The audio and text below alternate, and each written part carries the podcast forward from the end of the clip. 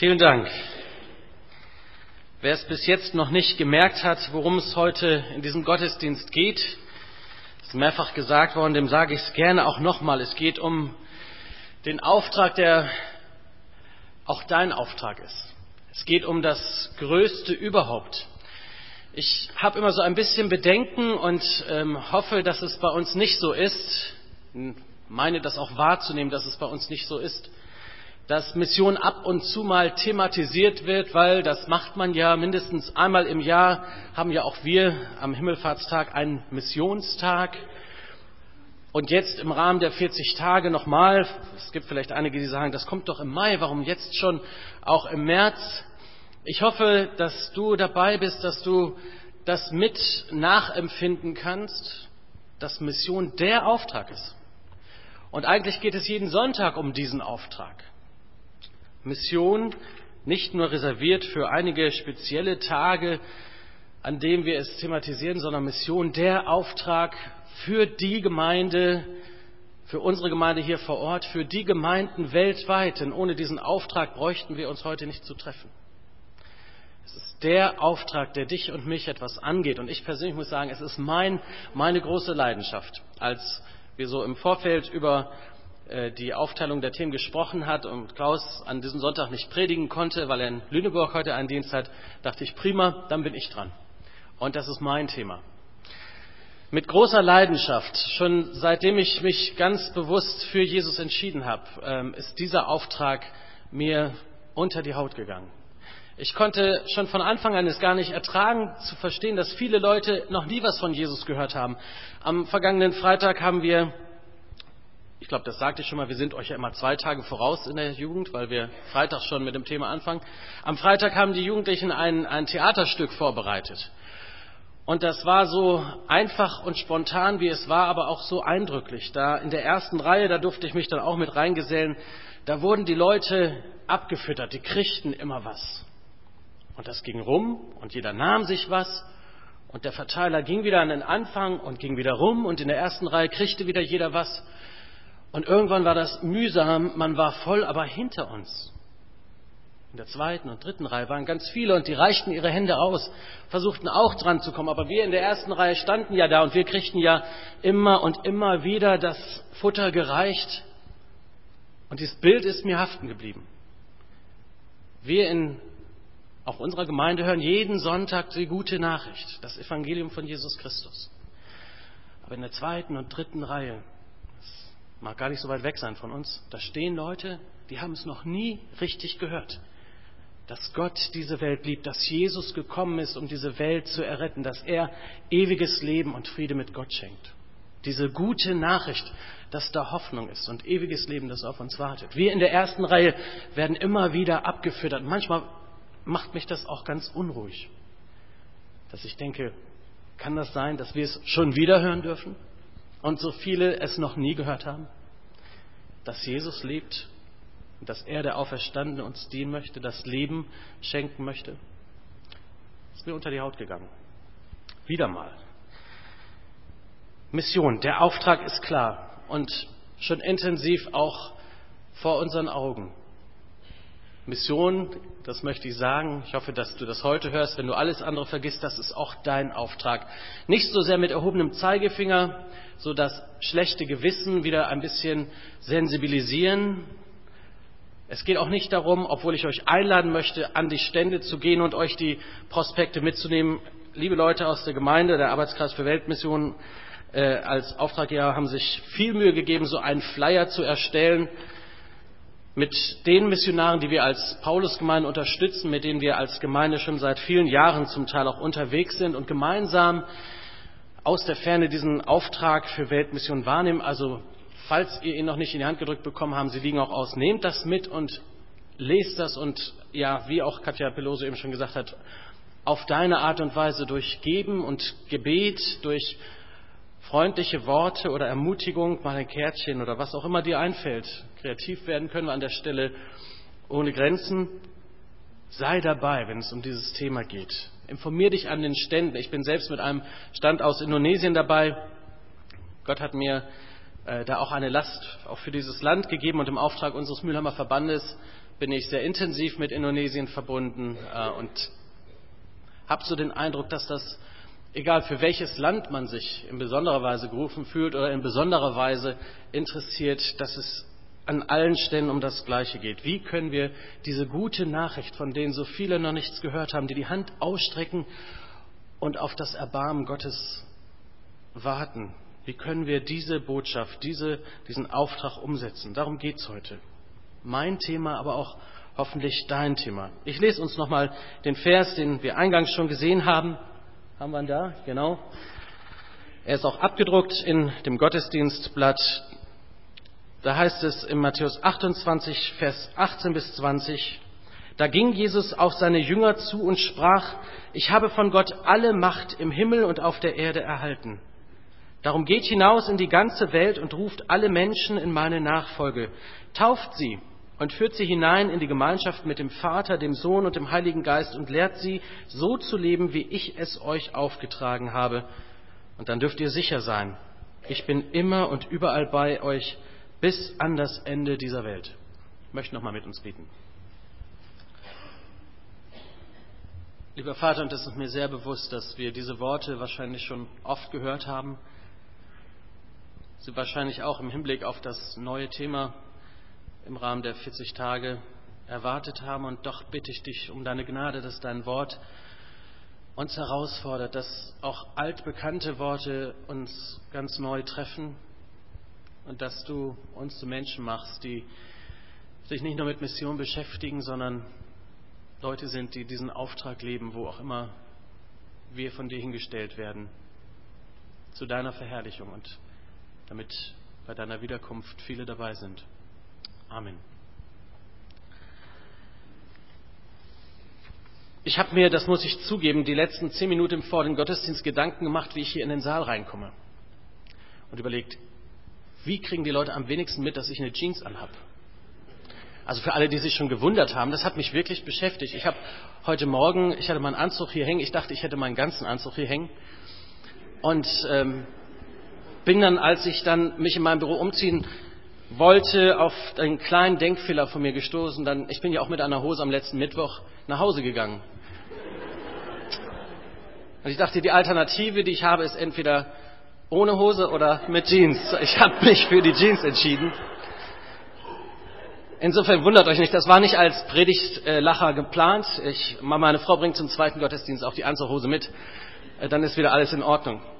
Aber kann es nicht manchmal sein, dass Leute sich über so eine Jeans mehr Gedanken machen, so beim Nachhauseweg? Hast du das mitgekriegt? Oder über irgendwelche Sachen, die so aufgefallen sind. Oh, der Ton bei der Orgel war schief. Das kann ich heute sagen, weil Martin ist nicht da und wir haben keine Orgel gehört aber eigentlich trifft er ja auch immer. Also viele Dinge, die so passieren äh, in Kirche am Sonntagmorgen, das Aussehen des einen, das Benehmen des anderen, die Enge im Raum der Begegnung, viele Dinge, die uns dann beschäftigen und oft haben wir von dem, was da so gesagt wurde, nicht viel mitgekriegt, weil ja, die anderen Sachen sind ja auch sehr interessant und wahrscheinlich redet man drüber. Mission ist eine Sache, über die ich reden muss. Kinder, wer noch Kinder hat, auch so in einem unbedarften Kleinkindalter, ab dem Teenageralter ist das ja genau andersrum, aber solange sie noch so klein sind, sie kommen ja mit einem und sagen, Papa, Papa, das musst du sehen.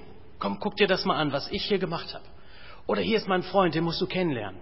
Den habe ich aus dem Kindergarten mitgebracht.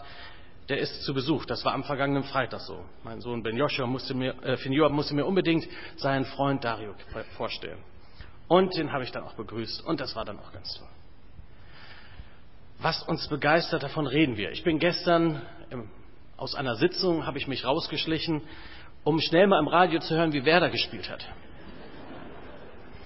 Es war gerade auch fast vor der Pause, aber das, ich wusste jetzt in Nachrichten und dann wird es gesagt, so gegen 18 Uhr. Und das ist ja eine gute Nachricht, ne? Also, ihr lieben Bayern, zieht eure Lederhose an, wenn ihr nochmal kommen wollt. Das ist eine Nachricht in Bremen.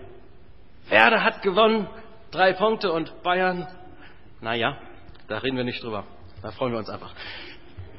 Viele Dinge, die uns begeistern, über die reden wir doch. Ist doch so.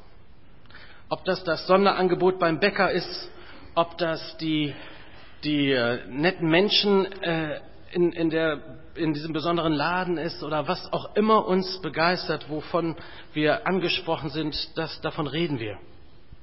Wir nehmen daran Anteil und möchten es weitersagen. Ob das die PS-Zahlen deines Autos sind oder Menschen, die du gerne anderen Menschen vorstellen möchtest, weil sie dich beeindrucken, Leute, die was geschrieben haben, was dich angesprochen hat, wir reden doch drüber. Heute Morgen ähm, war ich noch hinten und habe mir die Zähne geputzt und das war ein Hamburger Becher, also ein Becher mit, ähm, äh, wie heißt dieser Verein aus Hamburg? Komme ich jetzt gar nicht drauf. Bitte? HSV, ja, genau.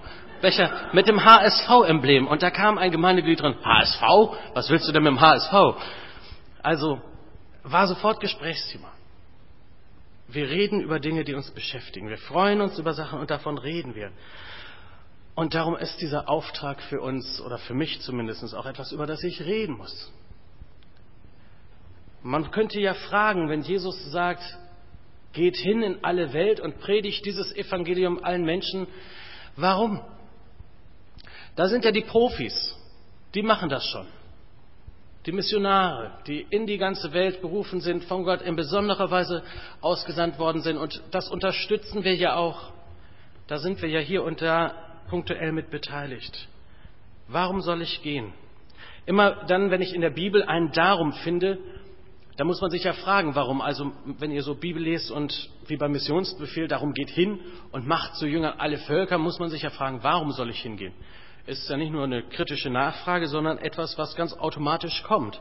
Auch schon in der Satzstruktur. Geht hin in alle Welt, predigt das Evangelium. Warum? Ja, weil Gott es gesagt hat. Warum soll ich gehen? Eins der Dinge, die mir als Pastor natürlich oder als Christ, gar nicht mal so sehr als Pastor, als Christ, das die größte Freude macht, ist, wenn Menschen umkehren.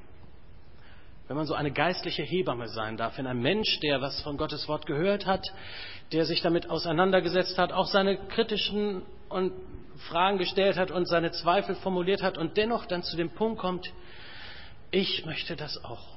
Ich möchte diesen Jesus auch kennenlernen. Das ist der schönste Augenblick, ein heiliger Augenblick, wenn ein Mensch zur Umkehr kommt und sagt, Jesus, bisher habe ich noch nicht viel von dir gehört und ich habe vielleicht auch noch nicht alles von dir verstanden, aber ich möchte dein Kind werden. Ich möchte die Vergebung meiner Schuld ganz persönlich auch in Anspruch nehmen. Ich möchte, dass dein Blut auch meinen Schaden und meine Verzweiflung und meine Sünde reinwäscht. Und ich nehme dankbar das ewige Leben, das du mir schenkst. Das sind heilige Augenblicke. Es gibt, glaube ich, nichts Wichtigeres, nichts Größeres, als wenn ein Mensch die Umkehr schafft, wenn ein Mensch Christ wird und zur Erkenntnis der Wahrheit kommt. Und von Gott, von Gottes Seite aus sich eine Ewigkeit verändert. In diesem Moment eine neue Geburt da ist.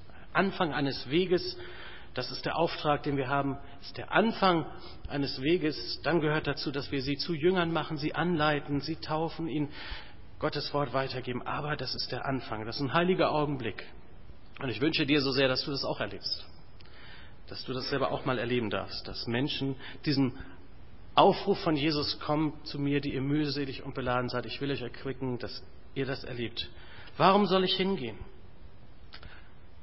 Eine erste Antwort, weil Gott die Verlorenen liebt. Warum soll ich hingehen in alle Welt? Warum soll dieser Auftrag mich nicht irgendwo zurückhalten? Weil Gott die Menschen liebt, weil Gott die Verlorenen liebt. Für sie ist er ja gestorben. So sehr hat Gott die Welt, die Menschen in dieser Welt, jeden Einzelnen geliebt, dass er Jesus dahin gab, ans Kreuz gab. Denn nur die, die an ihn glauben, werden errettet und bekommen das ewige Leben. Ohne Jesus gehen die Menschen verloren. Darf ich mal fragen, ob du das glaubst? Glaubst du, dass Menschen ohne Jesus verloren gehen? Wer von euch glaubt das? Darf ich das mal sehen? Menschen ohne Jesus gehen verloren. Das sagt die Bibel. Wenn das unsere tiefste Überzeugung ist, wenn das wahr ist und die Bibel sagt, ja, das ist wahr, wer den Sohn hat, der hat das Leben und wer den Sohn nicht hat, der hat das Leben nicht, dann ist das etwas ganz Ernstes dann geht es hier um Leben oder Tod, um Ewigkeit mit Gott in der Herrlichkeit oder ohne Gott in der Verlorenheit, in der Verdammnis. Hier geht es um etwas ganz Ernstes. Es ist ein ernster Auftrag. Es, es ist Jesus so wichtig, dass kurz bevor er diese Erde verlässt und so den letzten Kontakt mit seinen engsten Nachfolgern hat, er es mehrfach wiederholt. Das ist das Wichtigste, ihm das Wichtigste. Gott liebt die Verlorenen und hier ist das Motiv. Das Motiv Gottes ist Liebe. Er liebt die Menschen. Ich habe eben schnell noch mitgeschrieben, weil mir das sehr unter die Haut gegangen ist, was ihr gesungen habt. Das Lied habe ich schon oft gesungen, aber es ist mir heute nochmal sehr unter die Haut gegangen. Lass mich sehen mit deinen Augen. Lass mich sehen. Lass mich, äh, füll mein Herz mit Tränen für die Menschen dieser Welt. Du streckst deine Hände aus zu einem Volk, das, und so möchte ich mal weiterführen, ohne dich verloren geht. Ich glaube, Betroffenheit über die Verlorenheit der Menschen und das Erkennen, wie sehr Gott die Menschen liebt, ist der eigentliche Motor, sollte die eigentliche Motivation sein, Mission zu betreiben. Nicht so sehr, weil wir es ja müssen. Ist ja immer so, wenn wir einen Auftrag bekommen, oh, nicht? Allein schon, weil wir Deutsch sind, sagen wir erstmal, oh, mir sagt erstmal gar keiner was. Ich will mein eigenes Leben bestimmen der Auftrag Gottes, dieser Missionsbefehl, wie er ja auch genannt wird, der hat ja was Bedrohliches. Aber es geht doch vielmehr darum, dass wir erkennen, wie sehr Gott die verlorenen Menschen liebt, was er bereit war für sie zu geben, sein allerliebstes, seinen eigenen Sohn. Es geht um Leidenschaft für die verlorenen Menschen. Es geht um die Liebe Gottes. Warum auch immer wieder von dieser Kanzel reden wir sehr deutlich davon und laden auch sehr bewusst ein, weil uns das ganz, ein ganz wichtiges Gut ist. Menschen ohne eine persönliche Beziehung zu Jesus gehen verloren. Und darum reden wir und darum schweigen wir nicht. Und manche mögen sich ärgern, dass es auch so deutlich gesagt wird. Aber die Bibel lässt uns ja nicht im Unklaren. In Apostelgeschichte 4, Vers 12 heißt es ja, in keinem anderen ist das Heil und es ist auch kein anderer Name den Menschen gegeben, durch den sie sollen gerettet werden. Es ist Jesus allein der Weg zu Gott. Er allein kann die Menschen aus ihrer Verdammnis herausretten. Er hat es schon getan und er streckt seine Hände aus und bietet es an. Darum gehen wir hin in alle Welt, weil wir das glauben. 1. Timotheus 2, Vers 4, den Vers können wir auch mal einblenden. Gott möchte, Gott will, dass alle Menschen errettet werden und zur Erkenntnis der Wahrheit kommen. Darum gehen wir hin in alle Welt. Darum hören wir nicht auf, davon zu, zu reden. Allen Menschen sollen geholfen werden. In dieser Woche stolperte ich dann auch noch, das passt ja manchmal so, in, über eine Bibelstelle, wo Paulus es den Römern, einer Gemeinde, die er zu dem Zeitpunkt noch gar nicht kannte, mal schreibt, was ihn hier eigentlich beschäftigt. Alle, die den Namen des Herrn Jesus Christus bekennen und seinen Namen anrufen, die werden gerettet. Apostelgeschichte, äh, Römer 10, Vers 13. Und dann argumentiert Paulus, ist ja so einer, der das sehr gut auch darstellen kann. Er sagt, sie können aber nur ihn, den Herrn, bekennen, wenn sie vorher zum Glauben gekommen sind. Und sie können nur zum Glauben kommen, wenn sie die Botschaft gehört haben. Die Botschaft aber können sie nur hören, wenn sie ihnen verkündigt worden ist. Und sie kann ihnen nur verkündigt werden, wenn die Boten mit der Botschaft ausgesandt worden sind. Da muss man nicht viel zu sagen, das ist so logisch. Wenn keiner hingeht und es ihnen verkündigt, können sie nicht glauben und wenn sie nicht glauben, dann werden sie nicht errettet. Darum, weil Gottes Herz für die verlorenen Menschen schlägt, weil Gott durch dich und durch mich und in dem, wie wir diesen Auftrag leben und in welcher Form er Priorität auch in unserem Leben hat, die ganze Welt erreichen will. Das fängt mit Gebet vielleicht an, dass ich, und das ist gefährlich, haben wir eben schon gehört, dass ich anfange zu beten für Missionen, anfange zu beten für Missionare, anfange mich hinter die Arbeit in der ganzen Welt oder allen konkreten Auftrag oder Projekt äh, in meine Gebetszeit mit hineinnehmen. Aber dann, Weltmission fängt auch bei dir und mir und vor der eigenen Haustür an. In Süddakota, wo ich lange Zeit gelebt habe, war eine Bauersfrau, die ein großes Herz hatte für internationale Leute und zu all den großen Feiertagen, Thanksgiving und Weihnachten und Ostern, hat sie immer das Haus voll gemacht mit internationalen Studenten. Ich war einer von ihnen. Sie war eine gute Christin und sie hat eine Gebetsliste gehabt, die mich beeindruckt hat. Die Frau war in der Woche viele, viele Stunden auf den Knien und hat für die Missionare in der ganzen Welt gebetet und ich weiß auch viel gegeben. Und bei sich im Hause wohnten zwei internationale Studenten aus Schweden und aus Norwegen und sie sagt, ich bete jeden Tag für sie. Und ab und zu hat sie sie auch mit in die Gemeinde genommen. Und dann habe ich so gefragt, du Betty, hast du ihnen schon mal von Jesus erzählt? Da wurde sie ganz still und sagt, nee, das habe ich mich noch nicht getraut. Aber ich bete jeden Tag für sie. Und ich habe gesagt, Betty, du bist so nah dran. Das ist vielleicht genau dein Missionsfeld und du kannst damit in Norwegen was verändern und in Schweden, wenn diese Menschen zum Glauben kommen. Mach dir Mut. Erzähl auch weiter. Beten so als erstes, aber dann auch irgendwo an irgendeiner Stelle so mein eigenes Bekenntnis zu Jesus. Wir stehen auf für den Namen Gottes haben wir gesungen. Aufstehen und den Mund aufkriegen und dann auch es sagen. Das Evangelium verkünden, mein Zeugnis, wie Gott in meinem Leben wird, weitergeben. Ihr werdet meine Zeugen sein. So heißt es in ja, der Beauftragung zu Pfingsten. Ihr werdet meine Zeugen sein und dann werdet ihr mein Zeugnis sein. Zuerst in Jerusalem, das war so direkt vor der Haustür, in Samarien, das war dann vielleicht so Kirchweihe und ähm, oder Sieke äh, oder Lilienthal und dann bis an die Enden der Erden, über Deutschlands Grenzen hinweg in die ganze Welt. Ich und du, wir können ein Zeuge für Jesus sein, in dem, was wir sagen, in dem wir glaubwürdig mit Gott selbst und mit unserem Glauben leben. Darum geht hin. Nun könntest du als zweites die Frage stellen, ja, eigentlich bin ich ja auch schon mittendrin, warum wir, warum ich? Das machen doch die Profis. Das sind doch auch mal wieder große Konferenzen und Gott sei es gedankt, wir preisen ihn dafür immer wieder junge Leute, die sich rufen lassen. Und wir haben viele, viele Entschuldigungen, warum wir nicht betroffen sein sollten. Ich glaube, Alter ist auch keine eigentliche Grenze. Ich kenne Leute, die erst nachdem sie pensioniert waren, so richtig losgelegt haben und die Gott gebrauchen konnte. Und ähm, vielleicht bist du an dieser Stelle auch angesprochen. Geht hin in alle Welt. Warum? Warum ich? Weil wir uns das als Gemeinde, weil du und ich, wir uns das nicht leisten können, es nicht zu tun, es nicht weiter zu sagen.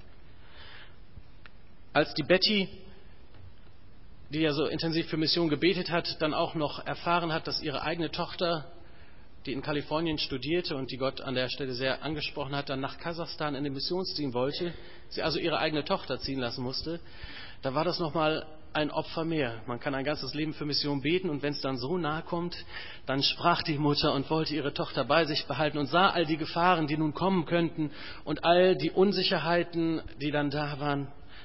Ähm, das ist mittlerweile auch ein paar Jahre her und Gott hat wunderbar geführt. Aber das kann passieren. Warum ich nicht? Warum du nicht?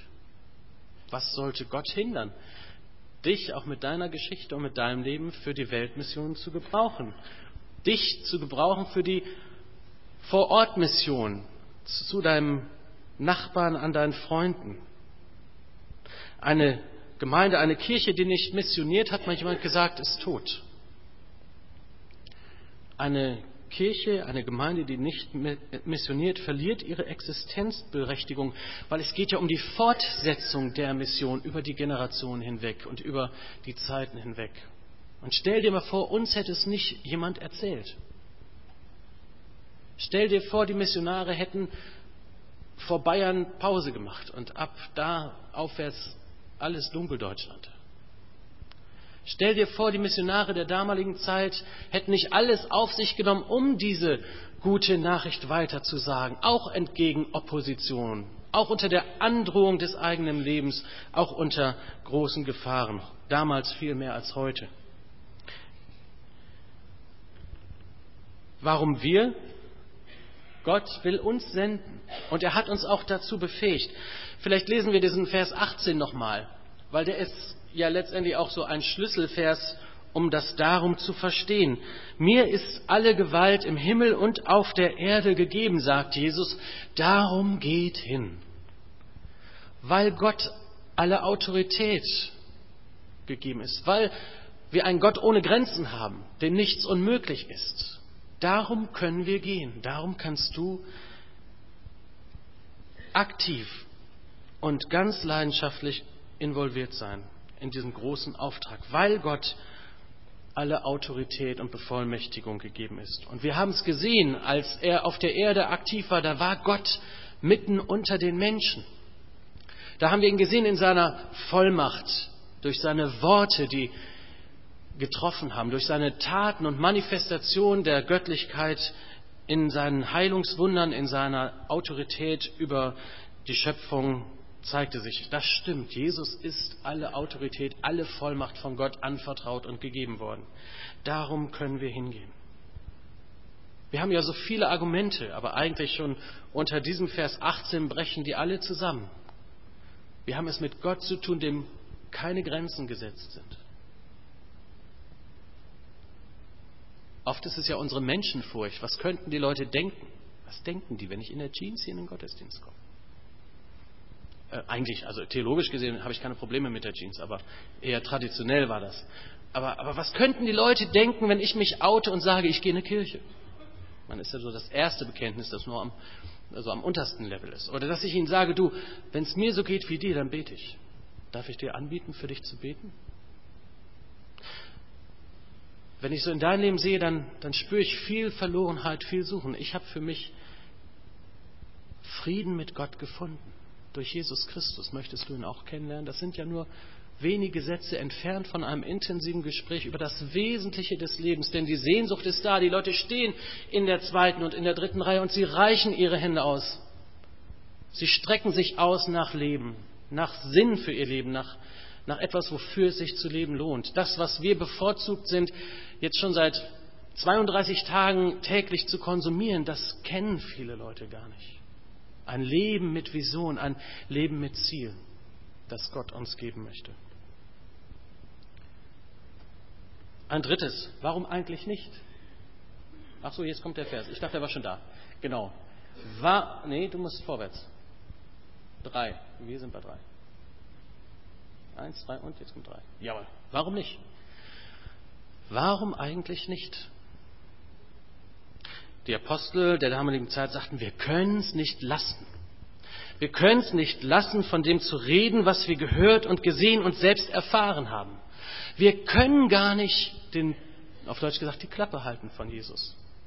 Das ist das alles unterliegende Motiv und die alles antreibende Kraft unseres Lebens. Und sie standen mit dieser Botschaft und mit der Androhung der Strafe und auch dem Martyrium, das ja viele von den ersten Christen dann auch das Leben gekostet hat. Sie standen vor den Hohen und vor den äh, Menschen, die gegen sie waren, in Opposition gegen sie waren. Sie mussten ihr Leben lassen auf ihr Bekenntnis zu Jesus hin. Viele von den zwölf Aposteln. Die meisten. Und trotzdem haben sie gesagt, nein, wir können nicht schweigen. Wir können nicht schweigen von dem, was Jesus uns bedeutet. Wir können nicht irgendwo, nur weil wir Angst um unser Leben haben oder Angst haben, uns zu blamieren oder Angst haben, es nicht richtig rauszukriegen ähm, und dann von Leuten komisch beurteilt zu werden. Du verlierst ja keine Freunde, wenn sie, äh, das war mir so auf der Fahrt zum Gottesdienst noch so ein Gedanke, du verlierst ja keine Freunde, wenn jemand sich abkehrt von dir, nur weil du an Jesus glaubst, dann war er auch nie ein Freund. Wenn sie dann sagen, oh, mit dir will ich nichts mehr zu tun haben, dann preist dem Herrn. Dann hast du keinen Freund verloren. Warum haben wir so oft den Schneid, uns rauszuhalten, nicht Stellung zu beziehen, nichts zu sagen, woran wir glauben? Wer das Wasser in der Wüste kennt und es verschweigt, hat Manfred Siebert mal gesungen, der macht sich schuldig an denen, die am Verhungern und am Verdursten sind. Wer das Wasser in der Wüste kennt und es verschweigt. Also bitte nicht als moralische Keule hier verstehen, sondern wieder, wie schon eben gesagt, wir haben die Quelle des Lebens entdeckt und die Welt hungert danach. Wir können es uns nicht leisten, es zu verschweigen. Warum nicht? Weil Gott uns beauftragt, weil Gott die Menschen sieht.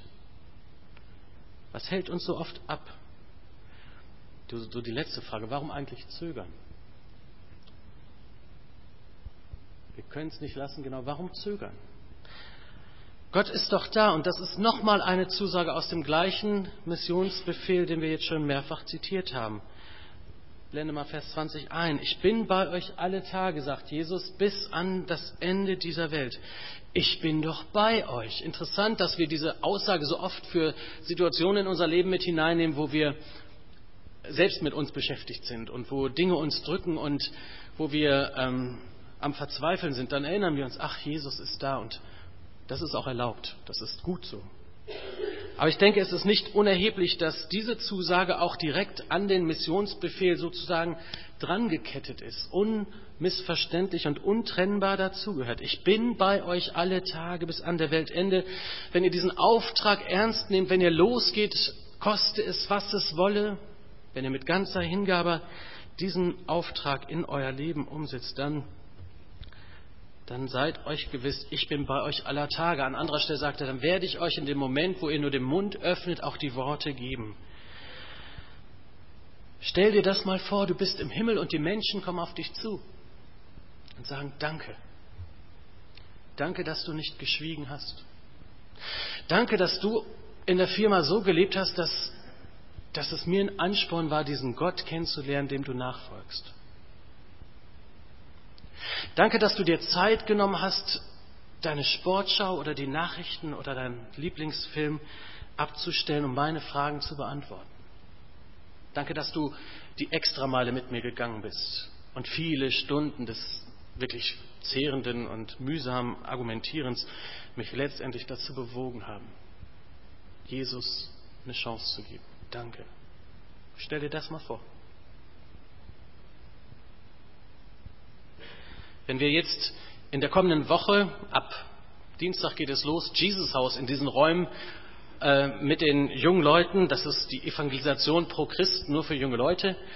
Wenn wir das durchführen wollen, dann ist das der Auftrag, der uns motiviert. Nicht die moderne Technik, nicht das Happening, das, wir brauchen nicht die Aktion, die haben wir auch so genug, aber die Leidenschaft für verlorene Menschen, die Beauftragung, die wir haben. Darum klinken wir uns ein und ich wünsche mir von euch als Gemeinde eins. Betet für uns. Betet für die nächsten Tage. Jeden Abend, Dienstag, Mittwoch, Donnerstag, Freitag, Samstag, werden wir hier von Jesus reden, ganz zentral über den Glauben. Und ihr könnt Mission an der Stelle, Evangelisation vor der Haustür mitgestalten durch euer Gebet. Oder indem ihr den jungen Leuten auch mal Mut macht und sagt, finde ich toll, was ihr auf die Beine stellt.